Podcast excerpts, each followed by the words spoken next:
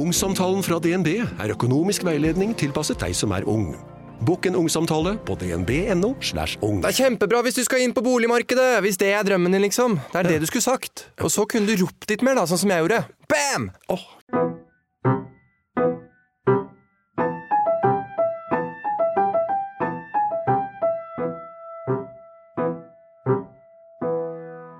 Velkommen til podkasten Frilanslivet, en podkast av min kollega Hanna von Bergen og meg, Kristina Skreiberg.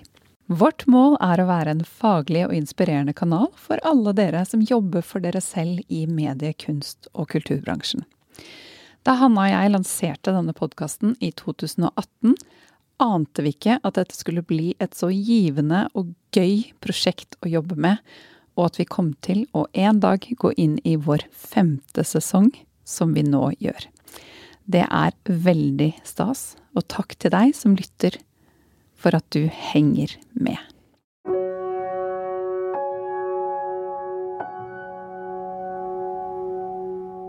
Ukens annonsør er regnskapsprogrammet Fiken.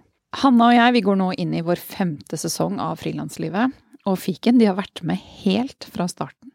Og de var gira på å være med som annonsør til og med før vi hadde lansert, da vi gikk til dem med denne ideen. Og det er eh, veldig kult, syns vi, når man kan samarbeide med andre som vil det samme som deg selv. Både vi og Fiken ønsker å gjøre frilanseres og småbedrifters hverdag enklere. Så dere, la dere gjerne inspirere. Team opp med andre som vil det samme som dere, andre aktører dere virkelig tror på og bruker selv, som vi gjør med Fiken.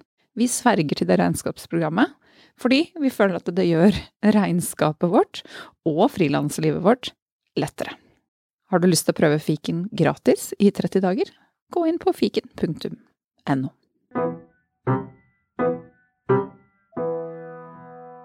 I dag skal jeg snakke med billedkunstner Aurora Passero. Auroras verker er kjøpt inn av både Nasjonalmuseet og Kode, i tillegg til flere andre anerkjente kunstsamlinger. Aurora har hatt en rekke separatutstillinger, annet to utstillinger ved Galleri Håken, som hun er representert av, og hun har stilt ut ved Vigelandsmuseet og Kunstnernes hus, og har gjort flere offentlige utsmykninger, annet av Stortinget i Oslo og den norske ambassaden i Roma.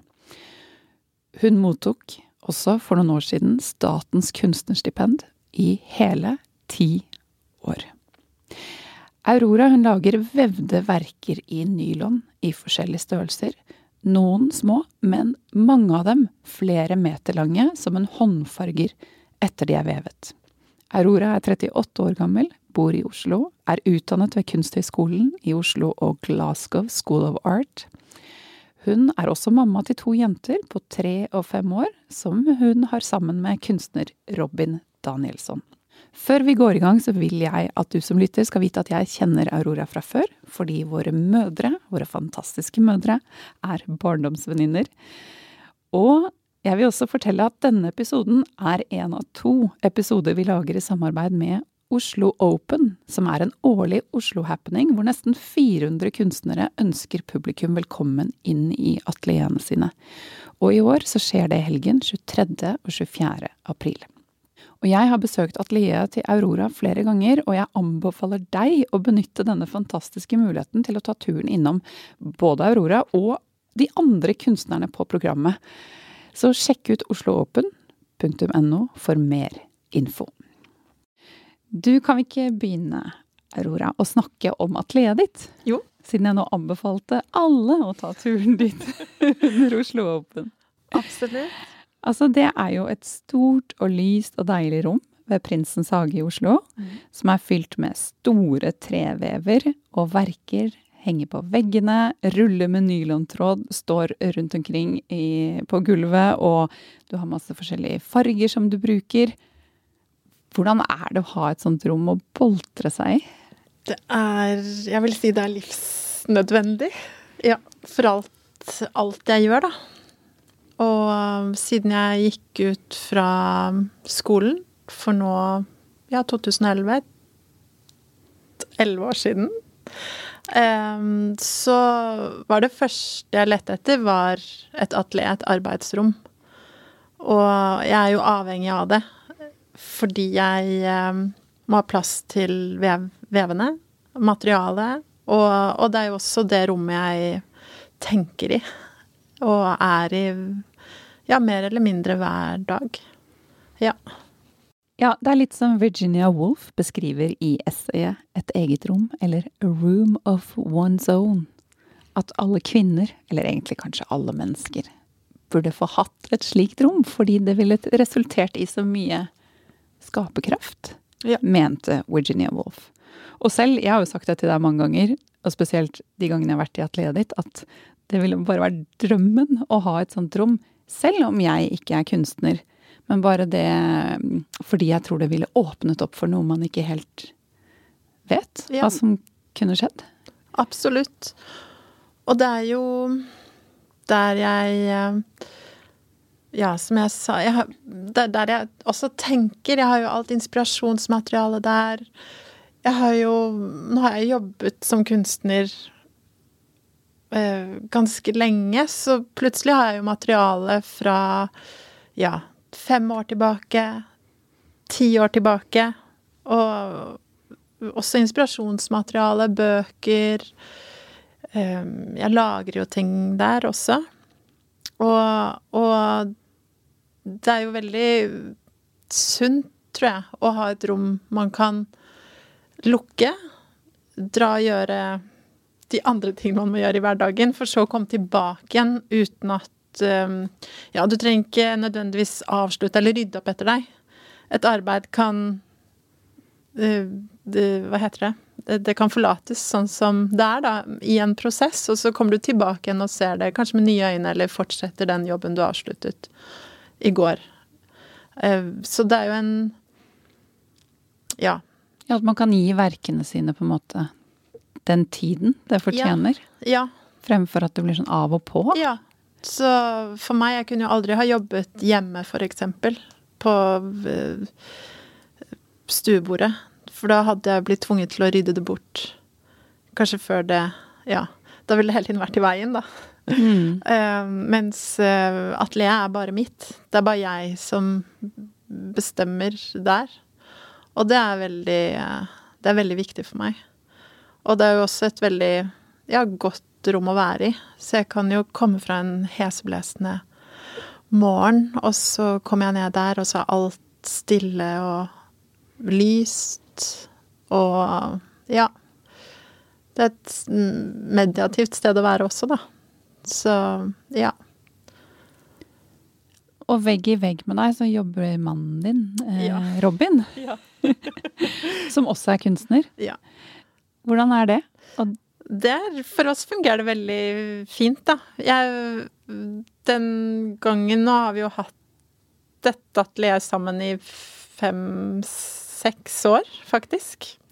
Og før det så hadde jeg atelieret alene. Eh, men jeg må si at eh, det å dele Det skal jo sies at vi har jo en vegg imellom, så du kan og en dør du kan og en lukke. dør du kan lukke. Så vi er jo hver for oss, og vi lar hverandre være i fred. Og respekterer hverandres arbeidstid. Men samtidig så er det utrolig deilig å ha eh, Ja, en Hva skal man si Den, for meg, da, nærmeste personen også i Altså i mitt kunstneriske arbeid sånn er. For jeg har umiddelbar måte, tilgang til hans mening. Jeg kan spørre om noe. En, altså være i en tankerekke. Sjekke om han er enig, eller hva han synes, for så å gå tilbake igjen til arbeidet mitt. Og det, det er veldig fint. Og sånn tror jeg nok ganske sikkert at det er for han òg, da.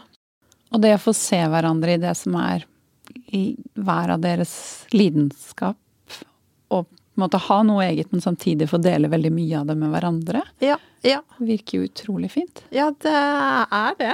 Men vi har Siden vi møttes, så har vi jo egentlig gjort alt sammen. Sammen. Så Og vi vi har vært på veldig Altså før vi fikk atelier sammen, så har vi jo vært på veldig mye altså residences, eller sånn studieopphold sammen. Eh, bodd Vi bare flyttet inn Når vi møttes, så flyttet vi sammen. Så jeg vet ikke, vi har en eh, Hva heter det? God Jeg vet ikke, god kjemi, da, også i, også i arbeid og, og ja. Som er Jeg tror det er ja, veldig gjensidig for begge. Og han har jo også hjulpet meg utrolig mye med Altså, nå har jo jeg gjort mange store, krevende oppdrag, og da har jeg jo alltid hatt Han har jo alltid vært med. og, og, det samme tilbake eh, i hans arbeid, da. Så Dette ble en fin hyllest til kjærligheten. ja. Veldig fint. Vi kommer til å komme eh, sporer oss tilbake til dette med familieliv og det å ja. etablere familie og få ja. barn osv. Men eh, jeg tenker at før det så kan vi snakke gjerne litt om verkene dine og prosessen som ligger bak. Mm. Altså, verkene du lager er jo, som jeg nevnte, vevde verker i nylon. Og teknikken skaper et litt sånn skinnende uttrykk som nesten kan minne litt om sånn fiskeskjell.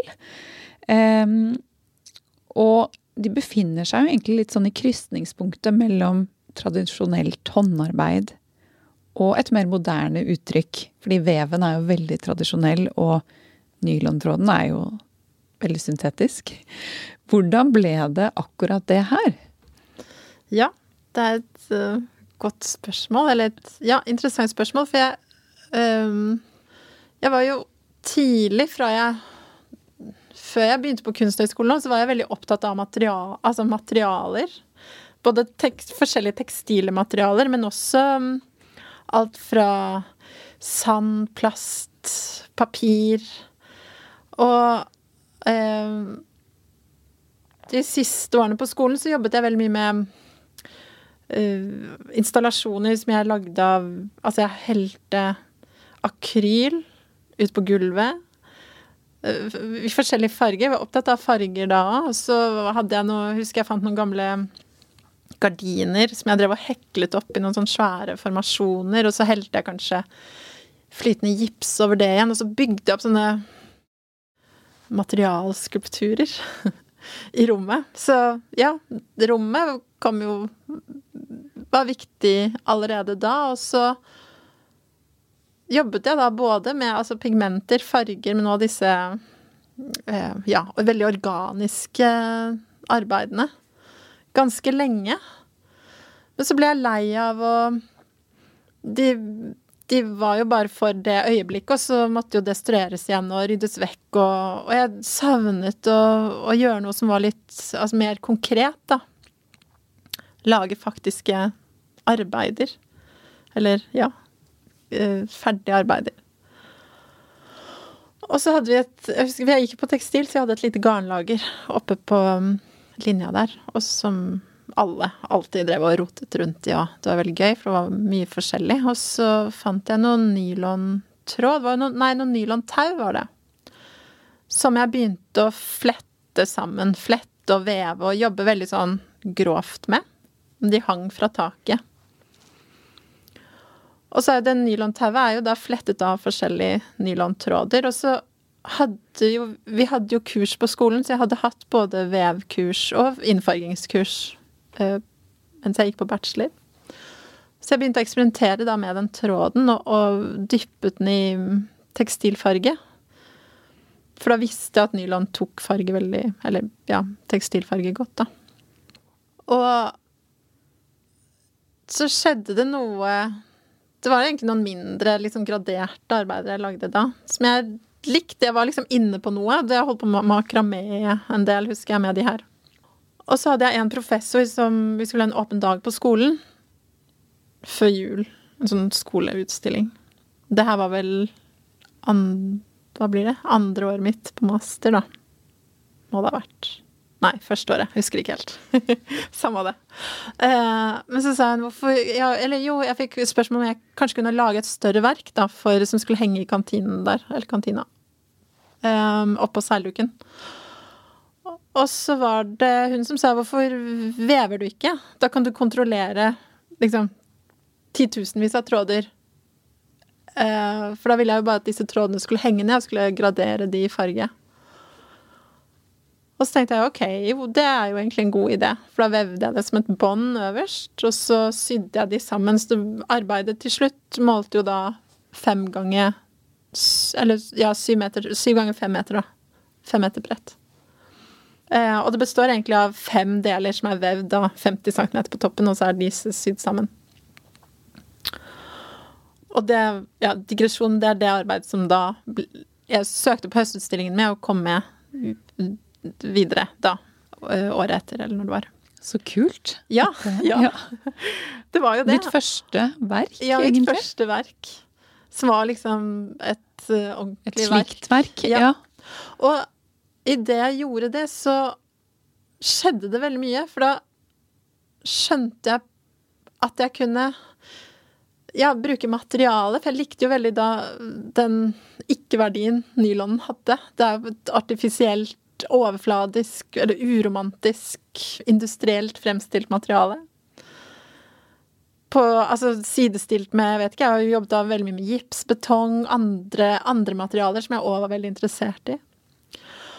Og Eller ja, akryl, for den saks skyld. Og jeg kunne jobbe med håndverket, for det, og fra jeg var liten, så har jeg alltid holdt på med håndverk, altså på en eller annen måte, enten strikt eller heklet eller Eller sitte og tegnet i timevis. Jeg savnet jo også den delen av jobben, da, å kunne sitte veldig lenge med noe. Så veven ga meg jo det. Og så er det da altså det maleriske, for jeg har alltid vært veldig opptatt av maleriet, da. Og sett veldig mye på malere. Alt fra impresjonister til ja, til i dag. Altså, ja. Og eh, det samlet på en måte alle disse problemstillingene. Samtidig kunne jeg jobbe med rommet, det altså arkitektoniske, og med størrelse. Og det å jobbe med størrelse ga oss en utrolig sånn kraft. Da. Det var veldig deilig å ta det rommet. Også med tekstil, som i hvert fall på den tiden var et veldig sånn Det var ikke helt regnet med. Um, og Så det ble også Eller sånn desto viktigere å, å ta den plassen. Og jobbe så monumentalt, da. På en egentlig veldig enkel måte. Så det forløste veldig mye.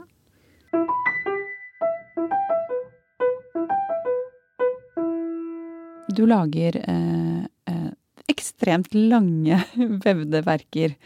Eh, altså, kan ikke du fortelle litt om prosessen bak et slikt verk? Jo. Altså, nå hadde jeg tenkt å spørre hvor lang tid tar det å veve et verk, men det kommer jo selvfølgelig an på hvor stort det er. Men det er jo Ja, det er jo et um, Hvor skal jeg begynne? Det er jo Hele prosessen det er veldig altså mangefasettert. Det er mange elementer som spiller inn, men, eh, men um, og som du sier, det kan jo variere veldig hvor lang tid jeg bruker. Men det er jo klart, et større oppdrag eller en større installasjon eller en større vevearbeid tar jo, tar jo tid. Samtidig så tror jeg jeg, jeg kan bru, også bruke lang tid på å tenke meg fram til hvordan, hvordan jeg vil um, Eller ja, til verket jeg vil lage, da. Um, så når jeg først har satt måte, størrelser og vet hva jeg skal gjøre, så kan jeg jobbe veldig effektivt. Da Og den Altså, når jeg vever, det er jo veldig Det er på en måte den mest konkrete delen av jobben, fordi eh, jeg jobber med lerretsspinning, som er da helt eh, basic. Over, under. Og, og det er jo Å veve i en flatvev som jeg gjør, det er jo Altså, veven er jo bygd opp en logisk Det er jo matematikk. Um, så da regner jeg meg fram til hvor mange tråder Hvor hvitt eller hvor åpent renningen skal være. Alt dette er jo ting jeg da bestemmer meg til på forhånd, og så begynner jeg å, å produsere, da. Og de vurderingene, de tar du mer Det er mer en sånn mental prosess, eller? Ja, men det er nok Altså, det er jo også med utgangspunkt i arbeider jeg har gjort tidligere. Jeg liker å si, eller jeg tenker at alt jeg gjør, henger veldig sammen. Så arbeider jeg gjorde for ja, 10-11-12 år siden er også med på å forme det jeg gjør nå. Og det kan hende en erfaring jeg gjorde da, er noe jeg plutselig kommer på igjen, eller vil eksperimentere eller se nærmere på nå. Og, og noen ting kan jo dukke opp veldig tilfeldig, at jeg har igjen en liten rest på veven, og så har jeg slengt inn noen tynne tråder der, og så plutselig var det interessant, og så tar jeg med det videre.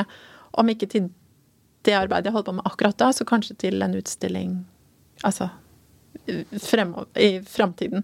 Men det å jobbe i sånne på en måte lange linjer, Ja. eh, er det har du det mer altså Dukker det opp mer som ideer i hodet, eller går du på en måte tilbake og ser på ting du har gjort, du på en måte har en slags sånn eh, i, eh, Ja, en logg, eller en slags sånn eh, Begge deler. Jeg, det henger veldig sammen. Og det er selvfølgelig også Det er jo basert på erfaring, da. Eh, For jeg gjør meg jo hele tiden nye erfaringer også. Jeg tror det er derfor jeg hele tiden altså, drives videre òg, da. Fordi jeg kommer over ting jeg har lyst til å ta med videre eller teste til neste, måte, i neste rom, eller Og det kan jo være både i en utsmykning, eh, men også i en utstilling.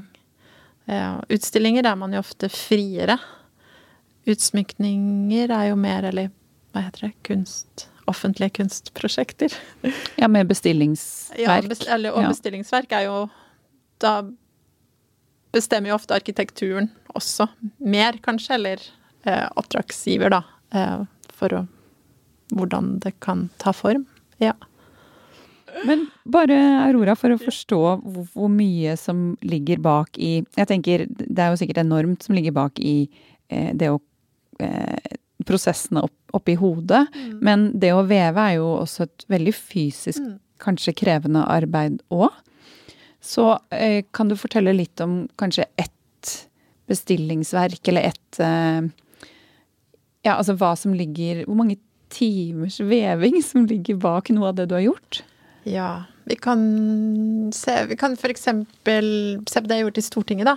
Eh, som er Det er jo det største arbeidet jeg har gjort. Eh, det var til en vegg på Jeg tror veggen er 22 meter altså høy fra gulvet opp. Da går gjennom syv etasjer. Um, og arbeidet har vel en total lengde på 16 meter. Og bredden Jeg delte det opp, da, for det i, det er seks vevde deler som er da satt sammen. Um, som henger um, som to på en måte Hva skal man si? To lengder ved siden av hverandre. Så til sammen så har det en bredde på to og en halv meter cirka. Jeg brukte kanskje tre-fire måneder på å veve. Altså sånn fysisk veve det. Nå sitter jeg og måper. Ja. Men, men da jeg Da ga jeg meg selv den tiden, og så eh, Da var jeg gravid, etter hvert høygravid, så jeg visste av erfaring, for jeg, hadde, jeg gjorde litt det samme når jeg var gravid, altså to år før, da. Da holdt jeg på med et stort arbeid til Kunstnernes hus, og kjørte bare på. Og jeg visste da når jeg holdt på til Stortinget, at jeg trengte å ta det rolig, at jeg trengte pauser. At jeg, det var altså fornuftig å gi meg selv tid til å veve et par timer per dag, enn å bare kjøre alt i et strekk, da. Som jeg har gjort veldig mye tidligere. Sånn at eh, Så da ble tiden på en måte mer porsjonert ut. Og så kan du si når jeg sitter og vever, så tenker jeg. Så jeg jobber, og da tenker jeg på hvordan arbeidet skal ta form videre. Og til Stortinget også så gjorde jeg en del tester, og, og jeg måtte også på en måte prøveveve noen lengder for å se hvor tykt Det krymper jo også når man farger, så jeg måtte ta med det i beregn... Altså når jeg beregnet størrelsen på det. Så det var jo en del sånne ting som oppsto da. Så vevde jeg med ganske tykk tråd, for jeg ville at det skulle ha liksom en ja, fysikalitet da, i rommet der. Og dermed ble det jo ganske tungt. Så det var også en grunn til at jeg delte det opp. Fordi vekten måtte Kunne ikke bli for tungt heller. Jeg tror de lengste vevene der er vel på ja, ti meter. Det er vel de lengste. Ja, så det var mange, utf mange utfordringer. Men uh, det gikk. Det gikk. Ja. Men hvordan, hvordan håndterer du en, et ti meter langt nylonverk, ettersom det på en måte kommer ut av Ja, da Veven? Eh, henger jeg det opp, da, i atelieret mitt. Og mm, jeg har jo Atelieret har jeg på en måte organisert sånn at jeg har Vevene er i en del av rommet, og så passer jeg hele tiden på å ha på en måte eh, en del altså fri, fri plass, da. Veggplass og gulvplass. Så mens jeg satt og bare altså, vevde, så hang de opp, og så rullet vi de sammen. Og så hadde jeg assistenter da som satt og festet tråder og gjorde de praktiske tingene underveis.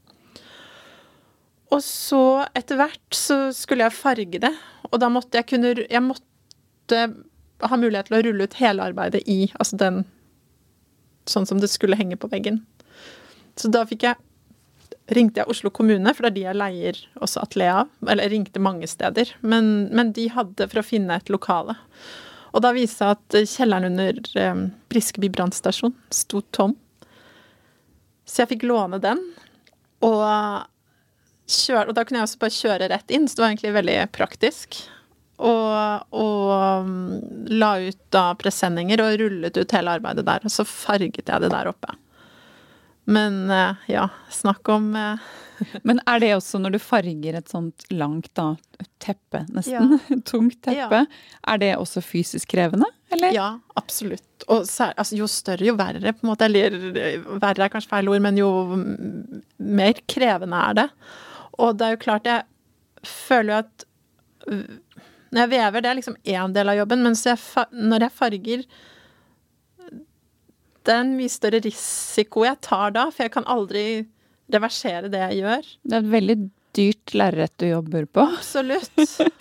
Veldig. Så, men det gir også en viktig nerve. Og en nervøsitet, eller et fokus, vil jeg si, som jeg, eh, som jeg også liker, og som jeg trenger. Fordi det mm, eh, Ja, det blir veldig sånn her og nå. Og, og mm, et, Ja, det er også det som driver meg, da. For folk som eh, ikke har kjennskap til verkene dine, altså maler du med eh, pensel, eller dypper du, eller kaster du fargen utover? Altså hvordan er det? Jeg eh, Tidligere, og det gjør jeg egentlig Ja, det er litt parallelt, men, men jeg farger både på fargeri, og jeg farger i, i bad. Og da øh, Jeg fukter jo arbeidene først eh, for at fargen skal spre seg ordentlig og, og trekke inn i materialet. Og skal det sies at nylon tar farge veldig godt, da. Eh, så det er et veldig takknemlig materiale å jobbe med. Um, og så uh, Ja, så hvis jeg farger i bad, så dypper jeg. Tar de opp, legger de utover gulvet. Ser, tenker, fortsetter. Dyppe, opp igjen. Um, og da kan du tenke deg sånn som jeg har jobbet med arbeidet på si to ganger tre meter. De er jo alltid, eller ofte, større enn meg fysisk, og det blir veldig tungt. Det blir veldig tungt når man når de er våte òg. Så det er jo en fysisk krevende eh, jobb. Det er slitsomt, men jeg tror jeg trekkes mot den eh, Ja, kampen er kanskje litt patetisk å si, men, men, eh, men eh, ja. De utfordringene det gir, da. Mens, Å få lov til å jobbe litt fysisk òg? Ja. Kanskje det er godt? Jeg tror jeg liker det. Jeg tror også det fremmer en slags, skal man si, aggresjon. Eller igjen det fokuset, da. At man må mm, jobbe seg gjennom det. Jeg er veldig aktiv, egentlig. eh, Også når jeg vever. Du er i bevegelse hele tiden. Men nå har jeg hengt meg opp i denne fargeprosessen. Ja. Ja. For nå ser jeg for meg deg i, under Briskeby brannstasjon, Mm. eh, og hvor du har da et massivt prosjekt foran deg. Er du er, helst alene da, eller har du folk rundt deg? Er Robin med? Liksom, hva, hvordan har du det best i en sånn situasjon? Både òg. Altså, det skal sies akkurat i kjelleren på Briskeby brannstasjon. Det, det, det er ikke det hyggeligste stedet jeg har vært. Og jeg husker jeg var da hadde jeg Dette var i november. Jeg, skulle, jeg hadde termin i slutten av januar, var det vel. Og det var jo kaldt og rått, og jeg husker der jeg gikk på do, det var opp en sånn mørk trapp inne i kjelleren der i et hus som de skulle pusse opp, så alt var sånn gaffateipet, og det var ganske råtne arbeidsforhold, egentlig. Ganske uglamorøst Veldig. kunstnerliv. Apropos uh, levevilkårene Myten, for kunstnerne, ja. si, arbeidsvilkårene. Ja. Men, men um, Så jeg, jeg var der jo mye alene, og så kom jo Ja, Robin var innom Men jeg tror jeg trenger den Igjen så liker jeg å være alene. Jeg må ha det fokuset, da, når jeg når jeg eh, farger. Så jeg liker best å være alene, og så får Får han kanskje komme inn og si noe underveis, eller se, og si sånn 'Dette kommer til å bli fint. Dette går bra.' Og så fortsetter jeg. Eh, og da skal det sies, da farget jeg ikke i bad, da sprayet jeg på farge. Lag for lag for lag for lag. Og så tok jeg det med ned i atelieret til slutt, hvor de tørket ordentlig. Og da skjønte jeg at jeg ville gå en runde til. Men da gjorde jeg alt. Da fikk jeg låne hans atelier også, så bare la jeg alt ut på kryss og tvers. Men da visste jeg liksom Da hadde på en måte komposisjonen uh, satt seg, da. Uh, så da var det mer bare å ja, gå over, gå over, rett og slett. Men selvfølgelig, i framtiden. Det hadde jo vært en drøm å fått et uh, svært atelier med alle de fasilitetene man trenger. Ja, for det er jo egentlig en romstørrelse som legger begrensninger på hvilket eh, format, altså Ja. hvor stort man kan lage ting. Ja, det er det. Og selvfølgelig og, sånn som igjen, da, det er jo ofte når jeg jobber i så store formater Du får jo ikke sett arbeidet oppe før du faktisk monterer. Og det er jo også en eh, Det å se at alt stemmer etter at eh, altså monteringsdagen er slutt, det er jo eh, en enorm lettelse. Og, men det er jo også det fine med tekstilen, at den er så dynamisk, på en måte. Og, og jeg har jo også jobbet mye med altså mer hengende volum i rom. Og det er jo ofte når jeg kommer til visningssteder at de som jobber der, de skjønner jo ikke hva det er jeg skal gjøre. Altså, jeg ruller jo bare ut arbeidene på gulvet først, og da ligger de jo der som Og så tar de jo form idet de eh, monteres opp, da. Og, og blir noe. Så det er også en interessant del av, eh, av arbeidet som jeg liker, da. Ja. Den monteringen. Ja, veldig. Se at det funker, det jeg har tenkt. Og noen ganger funker det ikke i det hele tatt, og så må man tenke helt om og så, jeg, så jeg gjør jo ofte grep i utstillingsrommet der og da. Og det er vel òg en nerve Eller en ja, en ja, nerve da, som oppstår som, som jeg liker. At du må redde det, eller ikke redde det, men løse det eh, på plass, da. Så det blir jo alltid veldig ja, stedspesifikt, da. Ja. Men det er jo et visst press i det Mm. å ha fått f.eks. et oppdrag for, hvor du skal utsmykke Stortinget, Mm. eller ha, ja, henge opp verkene dine i Vigelandsmuseet, og at Mm. du da ikke helt vet før det henger der, hvordan det, det blir ja. eh, sånn, sånn helt, helt. Mm. hvor, hvordan håndterer du det prestasjonspresset som det kanskje er, eller, eller hvordan håndterer du nerven i det? Ja, nå må jeg Eller liker du det såpass at Jeg liker jo å være i det òg. Og så vet jeg, og det er jo basert på erfaring, da Jeg vet jo at det går Eller må gå bra til slutt. Så derfor blir man også flink til å håndtere, for det kommer jo på en måte Det går jo opp og ned. Det er jo som en um, det gjør det jo i alle altså Både underveis i prosessen så har man Man får jo sånne bølger av stress eller panikk. Og det gjør man, eller jeg i hvert fall, alltid når jeg monterer også. Til man til slutt tenker om eller uh, samler det. Og får det til å sånn virkelig sitte. Og nå vet jeg jo at det skjer.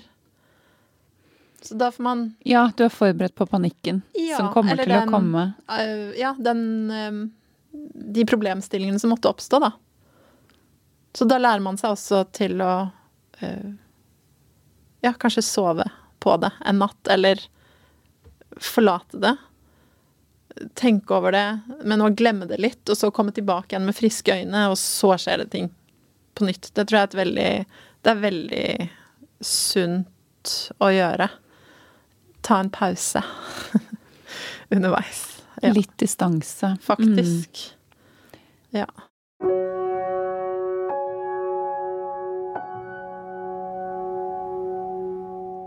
Ukens annonsør er treningsappen Bruce.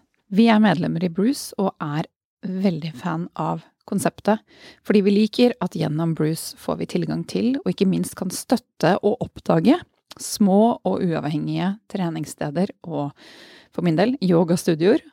Og så er hele greia veldig i vår ånd, for før Bruce ble Bruce, så het de Combine som var samme greie, som ble startet av fire studenter som gikk i gang med sin egen idé.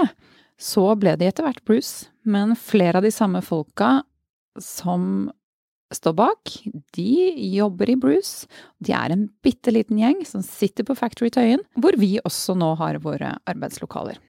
Og vi liker å løfte frem eh, ideer og ja, andre menneskers entreprenørskap og ideer som vi tror på. Og hvis du har lyst til å prøve, så får du 50% avslag første måneden hvis du bruker koden frilanslivet ved innmelding. Kos deg. Det å få barn, hva var den største overgangen med tanke på prioritering av tid, og tiden du hadde til rådighet som du kanskje ikke har like mye nå? Jeg tror først og fremst at det skaper en rutine. Jeg har jo hatt en rutine før jeg fikk barn, men når de Altså når andre også kom, og hverdagen ble såpass Altså begge er i barnehage, følger et tidshjul, så er du jo oppe halv Jeg er jo oppe halv sju hver morgen. Man blir en del av samfunnets Man gang. gjør det. Ja. Man gjør det. Og det var jo selvfølgelig så lenge øh, første var Altså frem til hun ble ett år, så levde vi bare som vi pleier. Hadde foreldrepermisjon i Paris og levde livet, egentlig. Mens øh, nå så er det jo annerledes. Men, men jeg syns jo også at det er Det er også en god ting, da. Og jeg liker jo Jeg er glad i å komme tidlig på jobb. Jeg er mest altså produktiv og skarpest om morgenen. Å komme på atelier klokken ni passer meg veldig, passer meg veldig bra. På en annen side så kan det jo ofte være frustrerende at man må gå halv fire, eller Det er liksom Ja. Og jeg syns òg det er slitsomt, hele det der middag Ettermiddagstyret. Og så er man veldig sliten. Middag, husarbeid, legging. Ja, veldig mye husarbeid plutselig. Um, og man er veldig sliten på kvelden. Det merker jeg òg. Så um, det er absolutt en overgang. Men så Men- du da at ok, nå må jeg bare nedjustere ambisjonsnivået mitt, eller hva jeg får til? Nei. Eller? Nei. Har du ikke måttet det? Det var en Jo, stor har jeg for min sikkert, del. Men jeg har ikke gjort det så veldig, i hvert fall. Fordi jeg har jo Jeg er jo også veldig drevet av Jeg er jo en optimist, da. Og jeg tenker jo at det skal gå. Og til alt jeg gjør, egentlig. Og, um, og det å få barn òg tror jeg også var drevet av en vilje Også overfor meg selv om at dette skal gå. Men så skal det jo sies at uh, vi er jo kunstnere eller frilans begge to, da. Både jeg og Robin. Så vi er jo veldig heldige, for vi har jo, for det første så har vi jo full på en måte, støtte og respekt for det vi gjør i hverandre. Men vi kan jo fordele tiden oss imellom helt annerledes enn hvis han hadde hatt fast jobb, eller om jeg hadde hatt det. Så det gir jo også en annen type eh, rom, da. Eh, og så er jo da Det tror jeg også er veldig viktig, egentlig. Jeg er oppvokst Altså, moren min er jo Hun har jo alltid jobbet altså, som kostymedesigner for film og TV, og eh, har jo hatt eh, meg og broren min alene egentlig, ja, siden faren min døde, da når jeg var ni år. Og jeg har jo Vi var jo med henne på jobb alltid. og eh, de arbeidsdagene var jo aldri forutsigbare. Og jeg kom jo ikke fra et hjem med middag på bordet klokka fem i det hele tatt. Og jeg har jo også sett hvordan hun har jobbet og fått til ting og sittet i telefoner og Ja. For å få ting på plass i tid. Så det har jo Jeg tror det, det er jo hva heter det? Obvious. At har åpenbart. Hatt, At de har preget deg. Ja. Det var et av spørsmålene dine. Ja, hvordan det er å være eh, Bentes datter. Ja. Hvordan det har preget deg. Men, eh, og det har jo hatt enorm Jeg har jo sett at hun har klart det. Så ja. Det har nok vært veldig viktig. Ja, både um, å se at det går, mm. og en inspirasjon. Altså at man Ja det er så mange måter å leve livet sitt på. Det, og det er så viktig å kanskje se gjennom andre rollemodeller, da. Ja. Og det er jo foreldre også. Absolutt. Så, og at, at et ikke ja, A4-yrke eller uh, sånn husliv, holdt jeg på å si, også har Ja, for meg har det vært uh, ja, kjempeviktig, da. Så da du valgte å satse på kunsten, så var det mm. ikke det noe Fikk ingen eh, negativ respons hjemmefra på det? Nei. Nei, virkelig ikke. Og jeg tror, jeg tror ikke det var noe spørsmål engang. Det er liksom Jeg husker jeg jeg har alltid tegnet. Jeg gikk på tegnekurs lenge på nasjonal, altså gamle Nasjonalmuseet. da. De hadde en veldig fin sånn gipssal. Eh, der begynte jeg på tegnekurs da jeg var 14. Tegnet veldig klassisk. Eh, og så kom jeg over Einar Granum, så begynte jeg på Einar Granum. Gikk der i to år. Og da var det bare å Ja. Da var jeg allerede veldig interessert i tekstil, egentlig, som materiale. Og så skjønte jeg, kom jeg over at ja, det fantes jo en tekstillinje. For jeg, altså, moren min har jobbet med klær, og jeg er jo jeg er veldig interessert i klær, men jeg kunne ikke hatt den Det visste jeg egentlig. Det var jeg veldig bevisst, eller sånn, bevisst på at det var ikke den retningen jeg skulle gå. Det var mot kunsten. Og igjen, da, så har jo jeg og broren min vi har blitt tatt med alle ferier, alt Altså, ja, for å Tilbake til den støtten hjemmefra, så gikk jo alle ferier fra vi var små, gikk jo en, altså til Italia, jeg er halvt italiensk, og eller rundt til Stockholm, Dan, altså i nærheten, for å se utstillinger. For å se kunst og kultur. Og ja, draktutstillinger. Det var jo alt mulig rart. Så fantastisk. Ja. I hvert fall nå når man ser tilbake. Veldig. Så jeg er liksom flasket, flasket opp på det. Og kunne sikkert ha valgt enten det helt motsatte, men, men det ble kunst, da. Broren min er grafisk designer. Så eh, ja. Så det har jo Det har jo bare vært sånn Vi har jo bare blitt sånn Kultivering. Sånn, ja. Fra vi var små. Eh, men jeg tror det Da visste jeg jo at uh, det å ja, ikke vite om man har jobb eh, til neste år. Det er også noe man må måtte leve med, da, for sånn er det jo litt i det yrket her. Man må på en måte stole på at det går bra, at det skal gå bra. Og, og det gjør jeg jo veldig. Det, det, var vel derfor jeg søkte meg mot det òg, da. Så jeg har nok vært Jeg er veldig klar øh, Klar hele veien. Ja, og jeg hviler selv veldig i den usikkerheten som ligger ja. fremfor meg. At det Jeg til og med gleder meg over den. Ja. Jeg, jeg, nyter å ikke vite alt, men samtidig kunne også prege det som skal komme. Ja. Um, men at det er en, en, åpenhet og et mulighetsrom i det òg. Ja, veldig. Jeg er helt enig. Jeg tenkte mye på det før jeg kom hit også. At det er, det er akkurat det jeg eller jeg kjenner meg veldig igjen i det, da. Og, og jeg syns jo at det er, kan være en befrielse også å vite at man har liksom et åpent Jeg elsker det. en åpen framtid. enn å, enn å måtte forholde seg til en ja, ni til fire kalender, ferieuke da og da. Det er, ikke, det er ikke for meg, da. Jeg tror det, det gir jo også en uh, Man har jo en sånn overlevelses... Uh, en overlevelsestanke, eller man Selvfølgelig, det må jo komme mat på bordet og Men jeg vet ikke hva annet jeg skulle ha gjort. Jeg tror jo Men jeg jobber jo hele tiden. Det er jo masse jobb. og det vet jo du òg. Eh, på veldig mange forskjellige plan. For det er jo én ting er å lage arbeidene, men det er jo alt det andre også. Man eh, ja, er jo sin egen sjef, da, eller For når gjør du alt det andre? Hvordan eh, ja. ja. nå kan jeg gå litt sånn på detaljnivå igjen.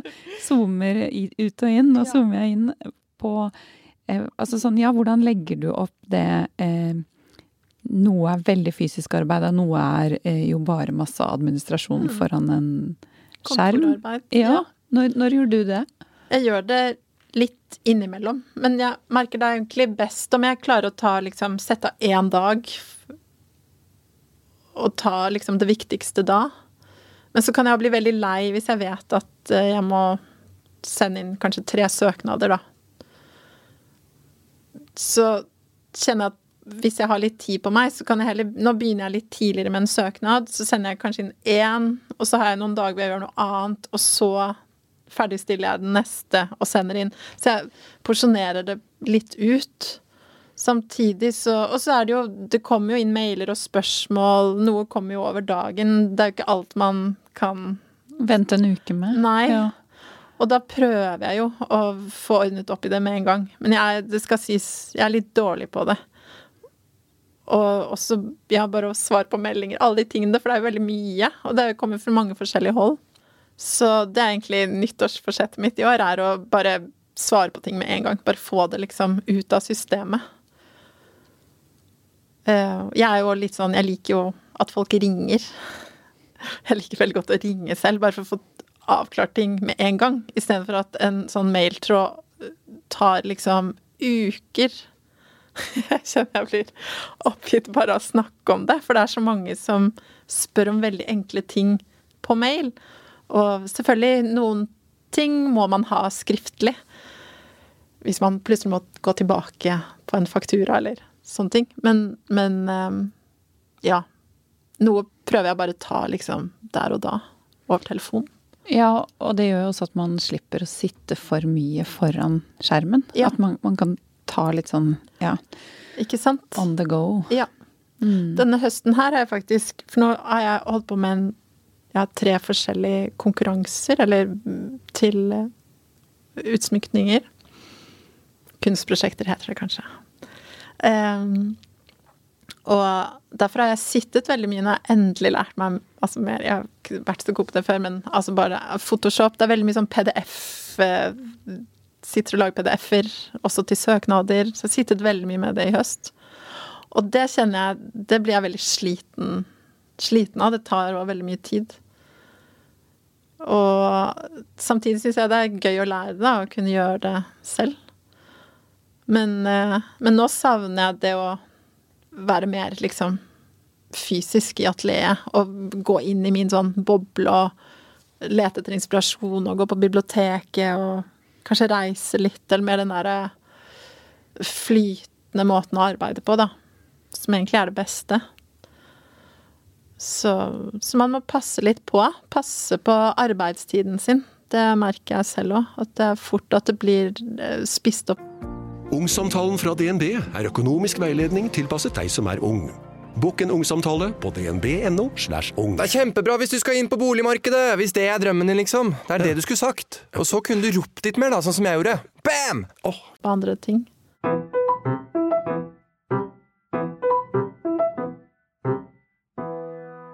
Verkene dine er kjøpt inn av både Nasjonalmuseet og Kode og flere andre, anerkjente kunstsamlinger. Og du er representert av Galleri Håken. Eh, har det vært et vendepunkt et sted som har ledet til disse tingene, eller vil du si at det bare har mer vært sånn steg for steg for steg for steg for steg, for steg, som det jo også ofte er? Ja, jeg tror egentlig det siste. Eller at vendepunktet, for å si det sånn, kom med en gang. Eller kom litt tidlig. Med en gang, så fantastisk.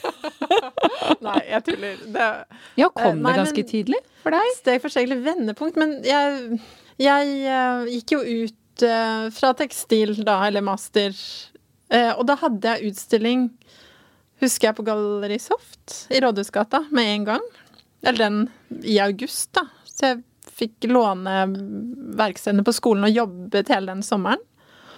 Og samtidig så var jeg med på Det var også den høsten det store arbeidet var med eh, på høstutstillingen på Kunstnernes hus. Og det var jo litt sånn Ja. Det var jo Et slags veldig vendepunkt. Et slags vendepunkt. Nei, men uh, Vendepunkt er jo feil å si, men det, da vant jeg jo uh, Eller det verket fikk jo Høstutstillingsprisen. Så jeg Eller ja, det kom liksom mye oppmerksomhet med en gang. Og, og jeg husker også den utstillingen jeg hadde på Soft. Den fikk uh, Det ble skrevet i Aftenposten og forskjellige steder. Fikk altså anerk hva heter det? anerkjennelser, anmeldelser. Oppnådde synlighet, ja. Ja, og så fortsatte det.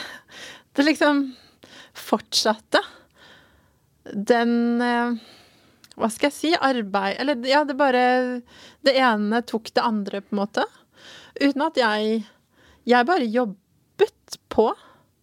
Og så husker jeg Etter det så Det må jo ha vært hvordan blir det? 2012? Jo, da stilte jeg ut i Da eh, fikk jeg utstilling i Kunstnerforbundet i Overlyssalen. Og det var jo også veldig Veldig fint. Jeg hadde jo Det er jo akkurat ti år siden nå. Jeg tror jeg var 28, så det var jo Altså, når jeg ser tilbake igjen på det nå, så var det jo på en måte ganske tidlig. Samtidig så var jeg veldig trygg. Så jeg tenkte ikke, tenkte ikke over det. Altså Det var mer bare å kjøre på, egentlig. Men jeg er jo veldig glad for det nå, når jeg ser tilbake igjen. Så jeg tror også jeg har vært veldig Jeg har på en måte sagt ja til veldig mye. Til alt. Jeg er jo en optimist, så jeg tenker jo at alt Alt går. Så jeg jobbet jo helt vanvittig mye. Jeg husker jo det. Og, og um, gjorde jo store ting. Jeg gjorde utsmykninger. Ja, og jeg har også jobbet parallelt hele tiden. Egentlig var jeg heldig, for jeg fikk utsmykning. Jeg husker jeg gjorde arbeid til norske ambassaden i Roma. Det var, det var rett etter den utstillingen i Kunstnerforbundet. Så jeg fikk på en måte både den erfaringen og den altså utstillingserfaringen veldig Eller tidlig, da. Um, og i tillegg så stilte jeg også veldig mye ut på mer altså uetablerte steder og kunst, altså kunstnerdrevne visningsrom og Og ja. Men, men eh, jeg tror jeg bare jeg var så Eller jeg har vært så i det hele veien, da. Så jeg tror egentlig for meg har det bare vært en sånn det har, Ja, det har ikke vært ett vendepunkt. Det har bare rullet, rullet av gårde. Og det ene kanskje har ledet til det andre. Ja, jeg tror det. Og det tror jeg er viktig å tenke også. At, øh, altså, det tenker sånn generelt, og hvis jeg underviser sånn overfor studenter og sånn, at du må på en måte Det du gjør nå, kommer til å ha ringvirkninger kanskje om ett år, kanskje om fem år. Du vet Det vet du ikke. Sånn er det litt å jobbe på den måten vi gjør òg, da. Jeg har et eksempel på det. Jeg Ja. ble nylig spurt om å gjøre et ganske stort oppdrag. Mm. Og så gikk jeg i møte med dem. Mm. Og så var det pga. et oppdrag jeg gjorde for tolv år siden. Ja. Fordi de hadde likt det de så Ja. da. Og Ja. én kjente noen som Ja. Ja. Så ja, det er jo Og det tenker man kanskje ikke på der og da. Nei, man gjør jo ikke det. At det du leverer fra deg da, kan være viktig. Ikke sant? Ja. Og det blir jo veldig abstrakt, og det er jo ikke sånn at jeg er bevisst. Jeg egentlig alltid jeg har ikke vært noe sånn spesielt eh, 'Å, der er den og den', eller 'Å, jeg burde gå på det', eller Jeg er ikke så glad i glad i det heller. Men, men, men jeg Jeg blir mer stimulert av å jobbe. Så Men det, Ja.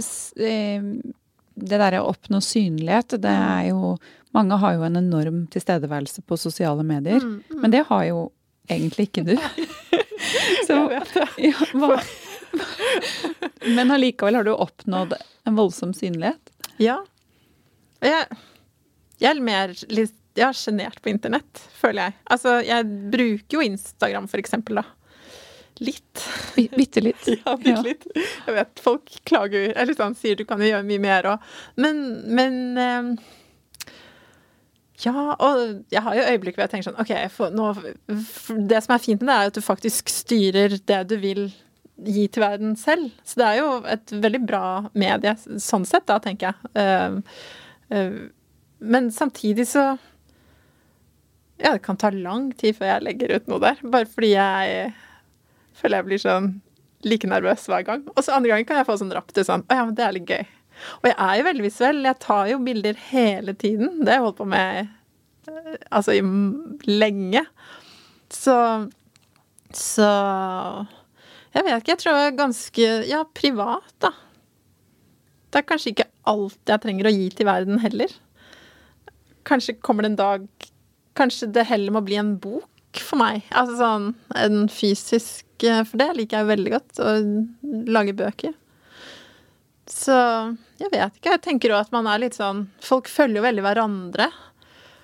Jeg tror jeg liker litt det der at man også kan Du kan styre alt. Du må stole på din egen Jeg vet ikke, magefølelse eller uh, hva som passer deg, da.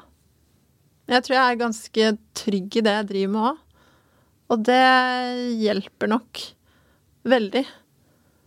Det merker jeg Ja, det, det tror jeg faktisk er Det håper jeg Det tenker jeg bør være en sånn eh, På skolen, da, for eksempel. For kunststudenter. Tenker jeg det å, å bygge opp en trygghet rundt det du gjør, og er kjempe, kjempeviktig. Sånn at du også klarer å gi litt faen. For det tenker jeg er essensielt, da.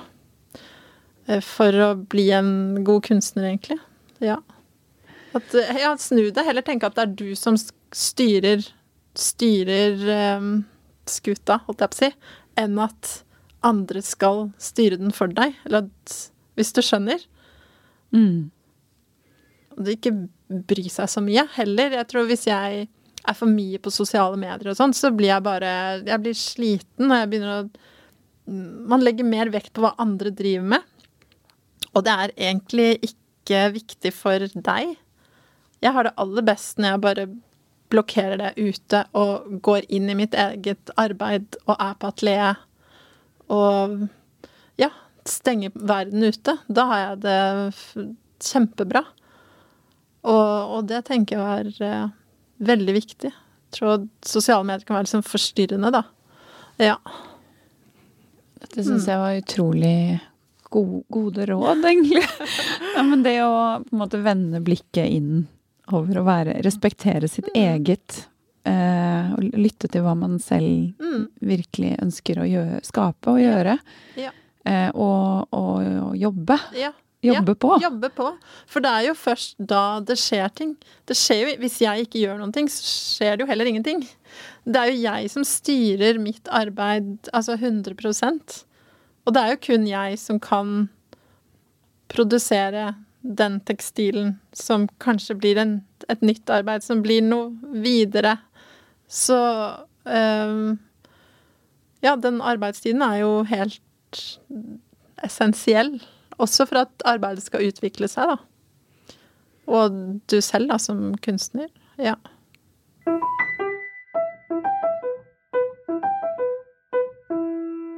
For noen år siden så fikk du et tiårig eh, kunstnerstipend. Mm. Eh, hvordan var det? hva, hva har det betydd for deg?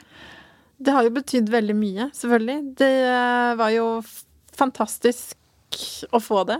Em, og det Forutenom den altså økonomiske Ja, det gir jo en viss forutsigbarhet, da.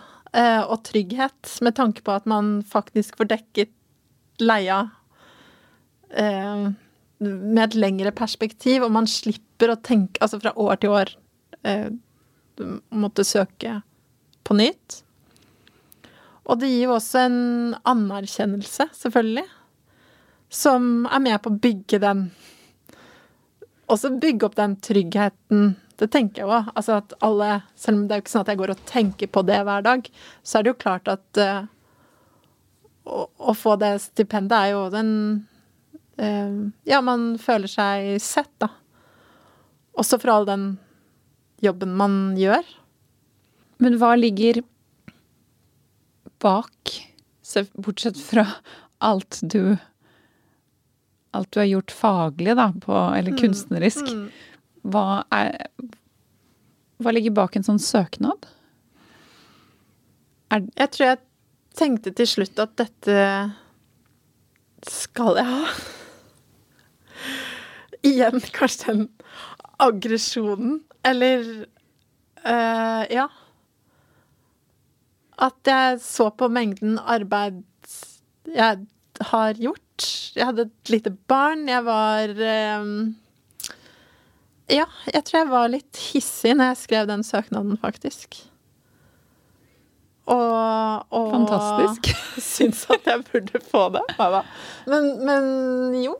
Uh, igjen så tror jeg det fører uh, Fører deg ganske langt, da. At man har en sånn uh, ja, hva, ja, hva skal man kalle det? En sånn ja. Urkraft. Nei ja. da. Men, nei, men, også en veldig målbevissthet. Ja. Ja. ja. Kall det kanskje det. Jeg vet ikke. Jeg syns det er litt vanskelig å si Jeg synes det er litt vanskelig å si liksom konkret ja. hva det var som men så det å få to barn har gitt deg en viss kraft også, da? Det har det. Absolutt. Det har det. Det genererer òg energi å få to barn og skulle overleve som kunstner. Det er klart det. Og så vise verden at det går. Jeg syns jo at det var Om det ikke var uttalt, så var det mye snakk om, i hvert fall når jeg begynte å studere kunst, det her med at uh, man kunne ikke få barn. Det er vanskelig, ja, umulig å kombinere, både i forhold til sin egen frihet, men også økonomisk, eller ja, og så videre. Men jeg tror jo jeg har sett at på en Igjen tilbake til moren min, da. At også på en For det er jo ikke sånn at vi har det fett økonomisk på noen som helst måte.